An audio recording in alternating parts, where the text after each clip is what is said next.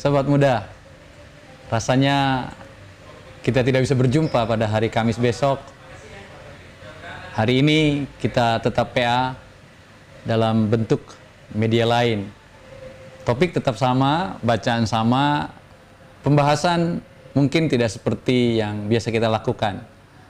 Dan hari ini kita akan membahas topik yang sudah teman-teman ketahui dengan tema Allah bisa karena biasa. Teman-teman yang terkasih dalam Tuhan Yesus Kristus, Allah bisa karena biasa sebenarnya adalah sebuah pepatah. Dan sumber bacaan untuk tema ini adalah 1 Korintus 9 ayat 24 dan 27. Ada baiknya kita membaca sebentar ayat tersebut.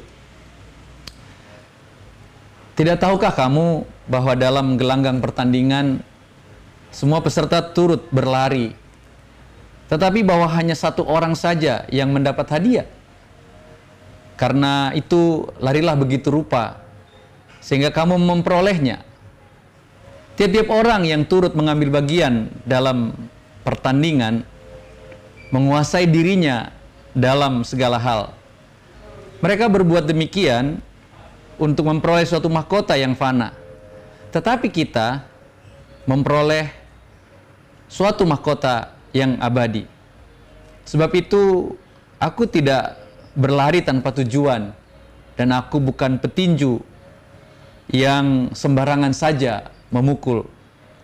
Tetapi aku melatih tubuhku dan menguasainya seluruhnya supaya sesudah memberitakan Injil kepada orang lain, jangan aku sendiri ditolak. Itu bacaan kita. Apa hubungannya, saudara? Yang pertama-tama dalam KBBI, tema kita ini artinya adalah kalah kepandaian oleh latihan. Jadi kalau orang pandai, nggak latihan, nggak pandai-pandai juga. Yang kedua, sesuatu yang sukar kalau sudah biasa dikerjakan, tidak terasa sukar lagi. Artinya bisa lebih mudah. Atau yang ketiga, segala kesukaran dan sebagainya tidak akan terasa lagi kalau kita biasa melakukannya. Tetapi bukan hanya itu, teman-teman. Rupanya peribahasa ini banyak yang mencoba menafsirkannya Salah satu yang lain adalah suatu pekerjaan telah terbiasa dilakukan, maka tidak terasa lagi kesukarannya, sudah punya pengalaman praktek yang lebih baik. Kalau bicara teori dan praktek, maka teori dialahkan atau dikalahkan oleh praktek. Nah, apa hubungannya dengan bacaan kita? Rasanya tidak ada satupun yang persis katanya yang sama. Contoh kata melatih, nggak sama dengan tema kita. Dan menariknya, kata melatih sendiri di perjanjian baru hanya tertulis di bacaan kita ini. Lalu apa itu melatih? KBBI mengatakan mengajar seseorang dan sebagainya agar terbiasa atau dalam bahasa tadi agar terlatih melakukan sesuatu. Persisnya sebenarnya belajar. Kata dasar latih, belajar membiasakan agar mampu melakukan sesuatu. Berbuat agar jadi biasa. Lalu kata latihan juga hanya sekali disebutkan dalam PB, yaitu dalam 1 Timotius 4 ayat 8. Frasa aku melatih diterjemahkan dari bahasa Yunani hipopiazo yang artinya memukul berulang-ulang. Tentu kalimat ini ada hubungannya dengan tadi, aku petinju yang bukan sembarangan memukul. Dan kalau dalam tinju itu biasanya adalah yang di bawah dagu. Dup, dup, dup, dup, seperti itu. Itu dan dilatih. Dibiasakan untuk dilakukan oleh seorang petinju. Sementara kata latihan yang ada di Timotius itu diterjemahkan dari kata Yunani gimnasia, latihan. Seorang pelari pasti latihan, seorang perenang latihan, sepak bola, voli, semuanya dalam bidang-bidang olahraga. Tapi ternyata istilah itu bukan hanya untuk bidang olahraga. Bidang lain pun termasuk seperti kita. PA pemuda itu adalah latihan rohani sekali seminggu. Mengecap bagaimana kebaikan Tuhan, mengerti kehendak Tuhan. Atau seperti kita yang setiap hari bangun tanpa kita sadari kita latihan bangun cepat untuk tidak telat pergi ke kantor. Itu tanpa kita sadari adalah latihan-latihan yang berulang-ulang kali dilakukan. Tapi mana sih yang lebih dalam dari semua itu? Rupanya teks ini bukan hanya berbicara melatih. Ada satu kata yang lain yang sangat mungkin erat hubungannya dengan tema kita pada PA kali ini, yaitu kata menguasai diri. Frasa menguasai diri diterjemahkan dari kata Yunani enkra teuetai dari kata enkratia. Ini adalah gambaran seorang atlet olahragawan yang harus menguasai dirinya sebelum pertandingan supaya dapat ia menang. Kata ini menggambarkan disiplin seorang atlet saya ingat bagaimana seorang petinju Inggris, walaupun dia petinju, tapi salah satu latihannya adalah menangkap bola tenis meja dari pelatihnya yang dipukul ke arah kiri, ke arah kanan. Ya. Juga bola tenis, bagaimana dia menangkap. Ini barangkali cara dia latihan untuk menghadapi serangan-serangan lawan atau memukul dengan kekuatan dan kecepatan tertentu.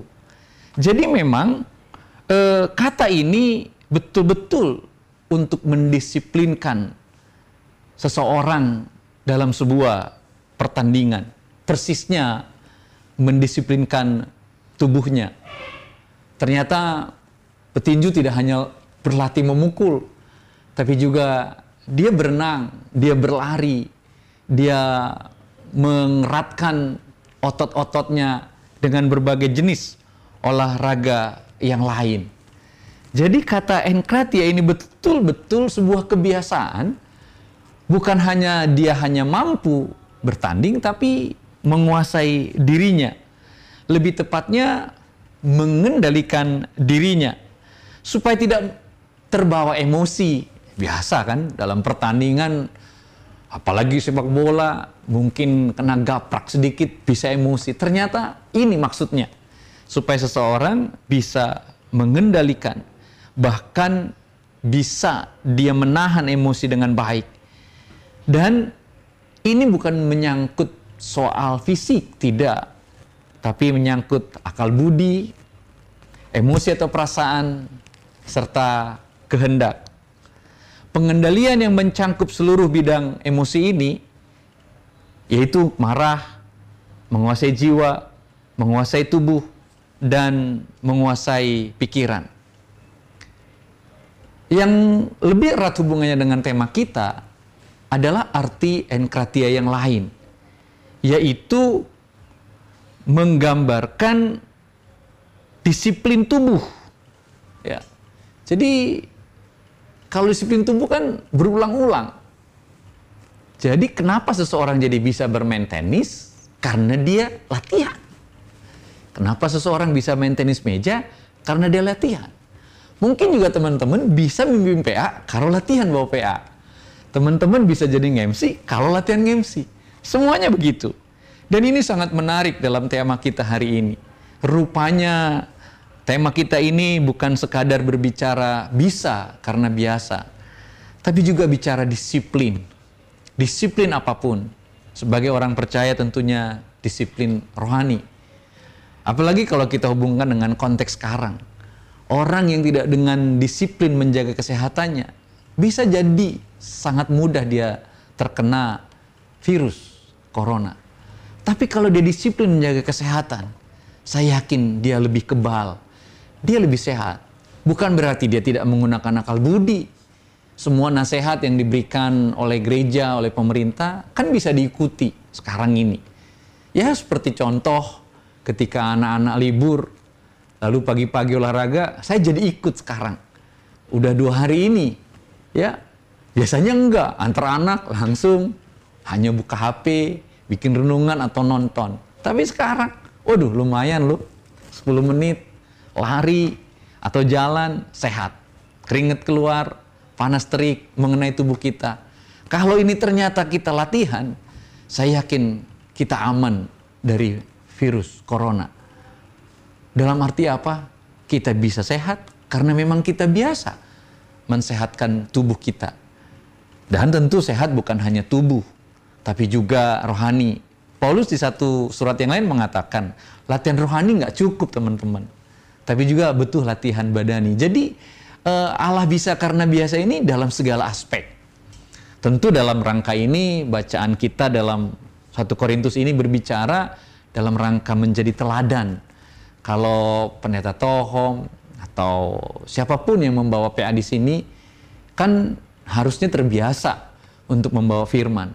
Tapi juga dia perlu terbiasa juga mengendalikan dirinya saat di luar rumah, di mana pun. Dia harus sama, supaya jangan terjadi uh, uh, penolakan. Lalu bagaimana dengan Paulus sendiri yang menulis surat ini? Apakah dia seorang disiplin? Yes. Kalau kita melihat satu pendekatan Paulus dalam Filipi 3 ayat 5 tentang keyahudian dia. Waduh, Paulus itu disiplin dalam pembacaan Taurat. Paulus juga disiplin dalam mempelajari hal-hal yang diberikan oleh rabai-rabai, guru-guru rohaninya. Dia ikut dalam Bet atau yang kita kenal dengan istilah midras atau madrasah Pasti Paulus juga seperti itu. Ya bayangkanlah anak sekolah sekarang ya.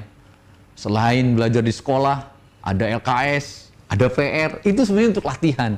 Supaya jadi bisa. Karena kalau nggak belajar ya juga nggak bisa, siapa pun nggak bisa.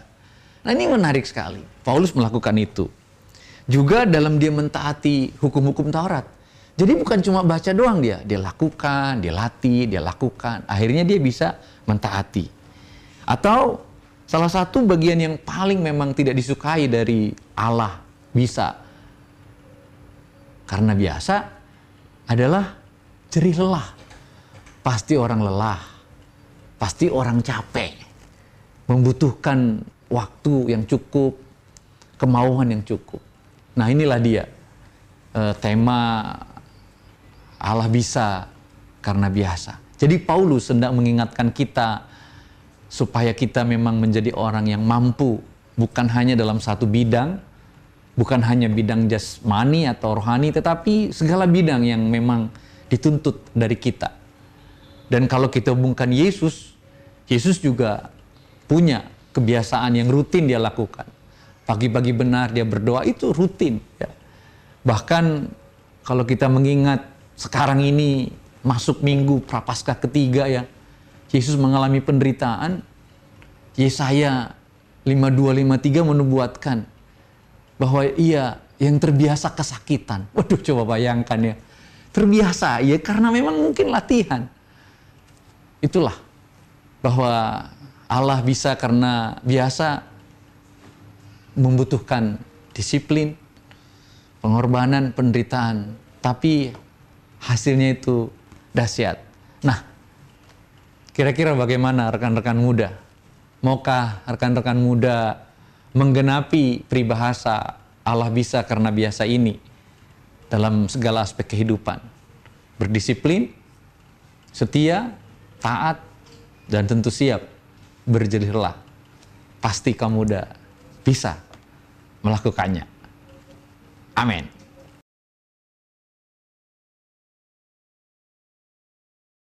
Ya, selamat uh, hari Kamis untuk teman-teman semua. Kita berjumpa kembali di PA Pemuda bersama abang kita, Pendeta Tohom. Uh, terima kasih bang untuk bahan-bahannya. Uh, menarik sekali bang karena sangat apa ya uh, relevansi dengan kondisi saat ini. Betul, betul. Nah, yang menarik Bang kan untuk teman-teman muda ini kan karena corona mengakibatkan ada perubahan di dalam pekerjaan kan. Ada yang work, apa work from office ya, Iya. kerja di rumah maupun ada yang tetap di kantor tapi dengan mungkin dengan suasana yang beda. Mungkin ada kemalasan di situ, mungkin ada getir, takut Eh, dengan bahan ini kan Abang tadi bilang soal kedisiplinan ya. Dan kedisiplinan itu butuh butuh usaha, butuh tahan uji, butuh apa ya, butuh butuh usaha yang tidak tidak mudah. Nah, kalau dari pendapat Abang sendiri untuk teman-teman pemuda, apa yang harus mereka lakukan sih, Bang, untuk apa bisa setia terhadap latihan itu, terhadap uh, bagaimana mereka bisa terus uh, bekerja, bagaimana mereka terus dapat terus bersemangat di dalam kondisi yang tidak tidak ideal seperti ini. Kan justru di situ kelihatan apakah Iya. kita uh, sebagai seorang yang ingin berhasil, ingin maju atau atau enggak kan? Gimana Iya, tuh Bang iya. ininya? Iya, Nasihatnya Bang. Jadi memang eh, pertama dari diri kita sendiri ya. Harusnya memang disiplin itu tidak dipengaruhi cuaca dong. Nah, Tidak dipengaruhi oleh musim ya kan. Ini yang pertama-tama disiplin Iya, ya. Yang kedua eh, kita juga diberi akal budi untuk disiplin ini. Hmm, Bahwa saat kita tahu membaca tubuh kita udah lelah, ya salah satu disiplin kan juga berdamai dengan tubuh itu sendiri ya. Jadi kalau mamanya orang bilang sekarang, "Oi, kerja di rumah." eh, itu berarti kan sebuah kenikmatan tersendiri untuk menunjukkan bahwa saya seorang disiplin sekalipun di rumah gitu. Yang biasa bangun pokoknya ke kantor bangun jam 5 karena kerja di kan di rumah masa bangun jam 7 kan udah udah melanggar kebiasaan. Yes, yes, Jangan-jangan sebelum ini dia ke kantor keterpaksaan. Nah, ini Ya, dia. ya, ya. Jadi mengukur diri kita juga. Kalau disiplin, saya yakin tempat mana pun Iya, tidak akan iya, mengering. iya, Yang beda adalah mungkin suasananya yes. tempatnya ya. suasananya bung jadi Ya, ya. yang biasa kita bertemu dengan orang sekarang kayaknya harus sendiri, Sendiri, nah. ya, ya. nah justru yang diuji di sini kedisiplinan rasa dia menghadapi masalah-masalah itu ya kalau dia memang terbiasa enjoy saya yakin di rumah juga Apa pun dia pasti enjoy kondisinya, ya. ya, iya ya. walaupun memang ya kadang bukan cuma situasi sekarang cuaca aja kalau udah gelap maunya mau tidur bung Mempengaruhi mood ya. Iya, mempengaruhi mood. Nah, ini repotnya. Lalu suruh kerja. Ah, apalagi yang kejar target. Ah, nanti aja Ntar dulu, ntar dulu ya. begitu ya. Cuma itu bisa menjadi bahaya. Tapi yang pertama-tama itu. Nah, yang kedua bicara kedisiplinan memang eh ala bisa karena biasa ini adalah eh, prinsip bahwa aku punya motivasi yang baik dalam hidup ini. Hmm. Ya, jadi kalau motivasi dia jelas, saya yakin dia akan berjuang dengan ini. Memang perkecualian ya, artinya apa? Dengan kondisi sekarang, kalau kita diminta bekerja di rumah dalam rangka menjaga kesehatan, ya pertama, ya kita wajar-wajar saja bahwa hidup ini lebih penting dari kadang kerjaan itu. Ya. Ya kalau kita sakit, lalu gimana kita kerja? Kalau momennya kita harus marah, lalu enggak, gue mau di kantor aja kerja, tiba-tiba kena virus corona, Ya. pusing. Kita bawa ke rumah, kena semua orang. Jadi memang eh, perlu kepandaian untuk eh, melihat ini. Lihat ini ya. Ya. Ya, teman-teman, tadi eh, menarik kalau saya mencatat dua hal dari Bang Tohom ya. Yang pertama, ini sesungguhnya eh, saat-saat di mana kita bisa menguji diri kita sendiri ya. Betul, betul. Justru ini kesempatan emas untuk melihat motivasi kita, eh, cara kerja kita selama ini. Justru Ya. ini tempat yang paling baik sebenarnya Betul, untuk betul. melihat kita ini memang niat bekerja atau tidak malas atau tidak ini tempat yang paling suasana yang tidak nyaman ini justru Bukan hanya tempat, Bung, tapi waktu. Waktu juga ini merupakan hal yang paling baik sesungguhnya untuk kita mengoreksi diri sendiri ya. Betul, Jujurlah terhadap diri sendiri ya. Virus Iya. corona ini ternyata bisa membuat kita bisa jujur terhadap diri kita sendiri.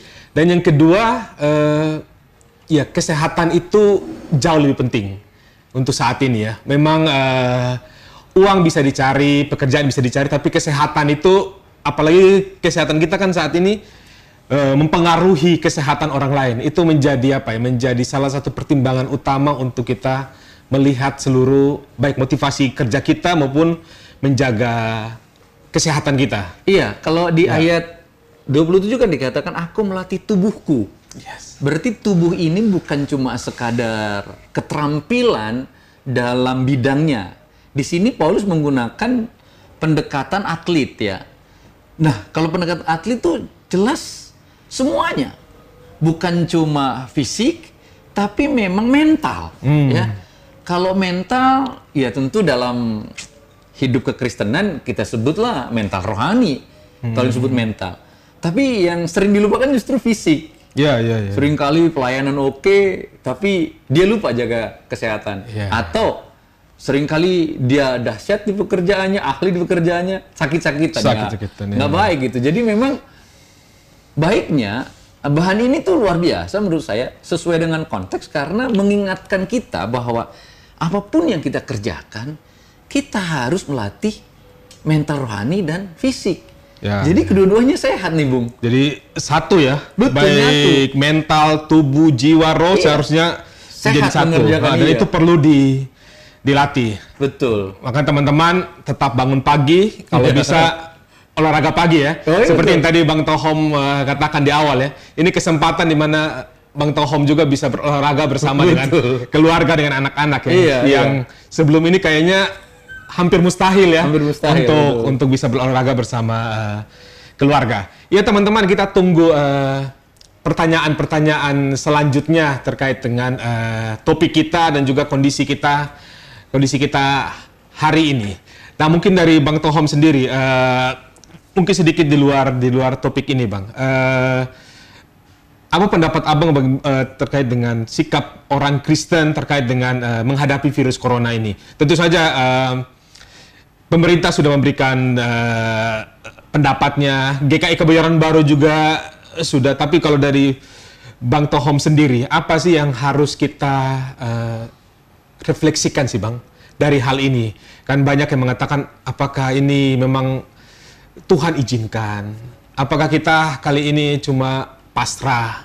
Lalu lalu seperti apa sehingga kegalauan yang yang justru meng- menggelimuti kita? Seperti apa, Bang? Iya, jadi kalau dihubungkan dengan tema Allah bisa karena biasa, kita memang juga harus biasa melihat, mendengar apa yang Tuhan mau. Hmm. Ya, contoh lah.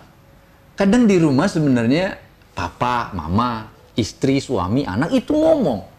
Ngasih sesuatu sama kita karena kita nggak bisa lihat semua. Kita nggak bisa pahami semua. Itu dari sisi manusia yang di rumah. Iya. Yang kedua cuaca.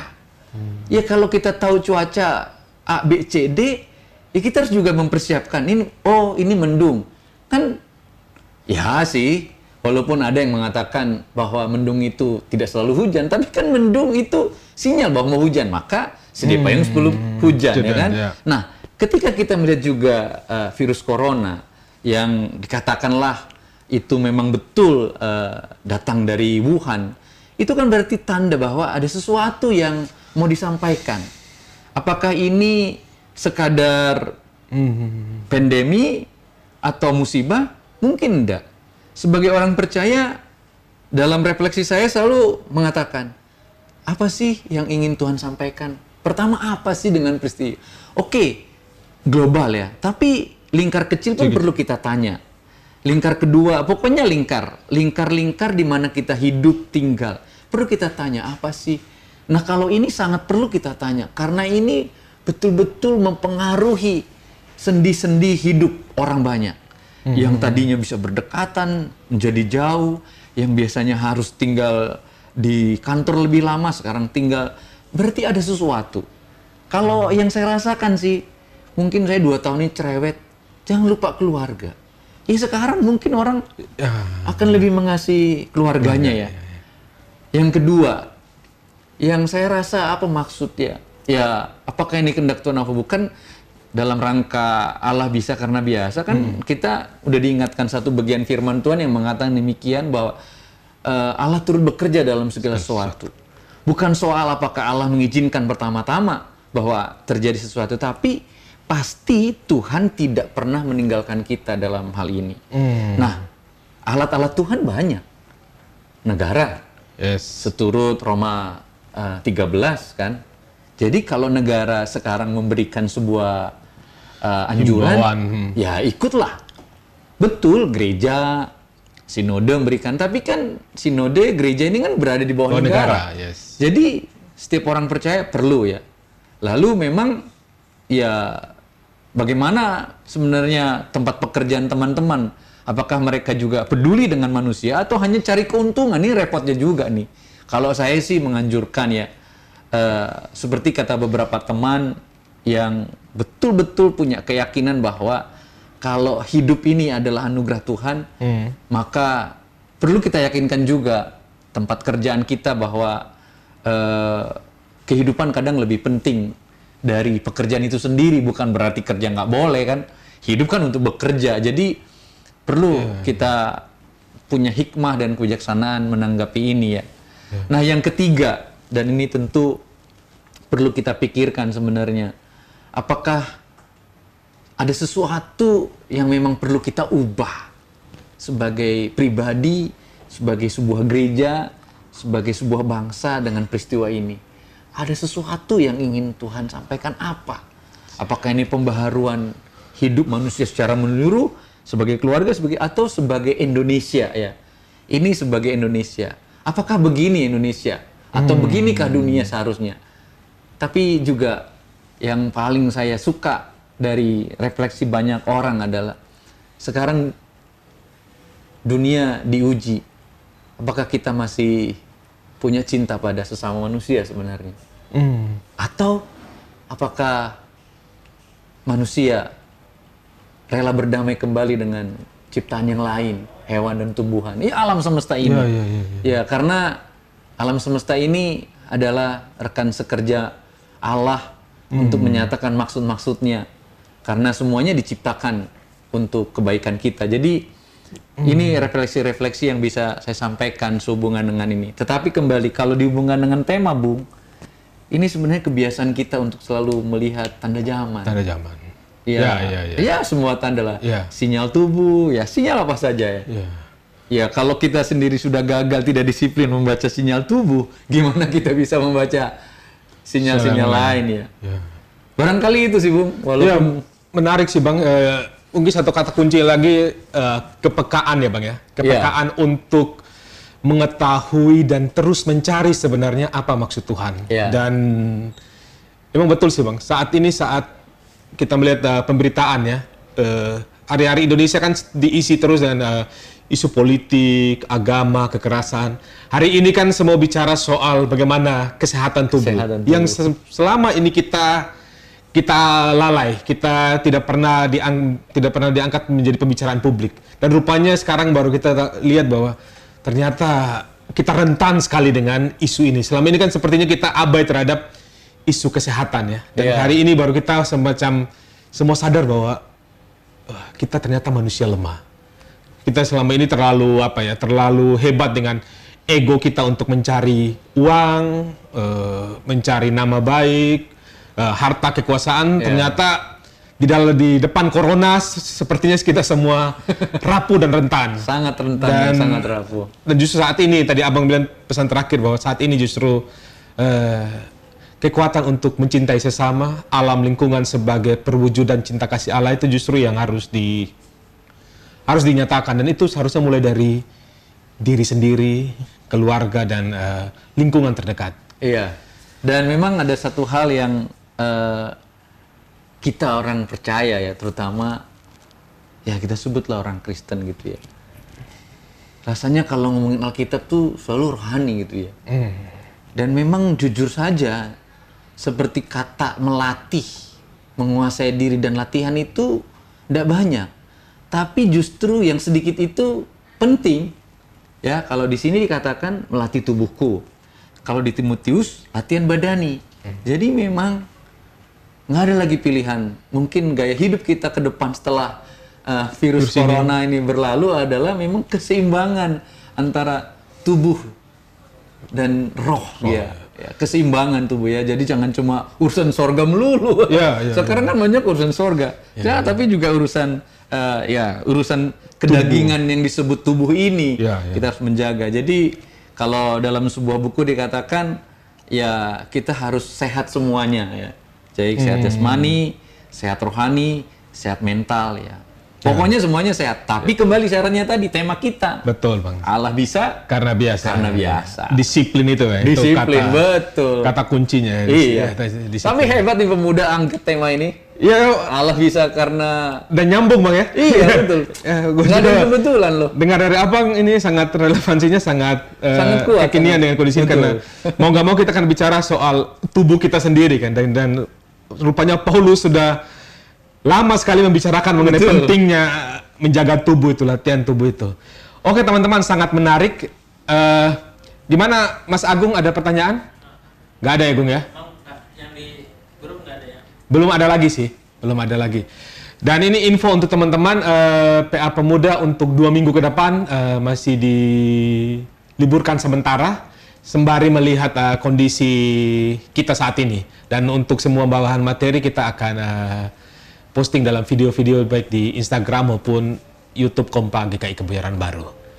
Eh, Teman-teman, eh, kita akan menutup sharing PA pada Kamis ini dengan doa yang akan dibawakan oleh Pendeta Tohom. Ya. Silakan Bang.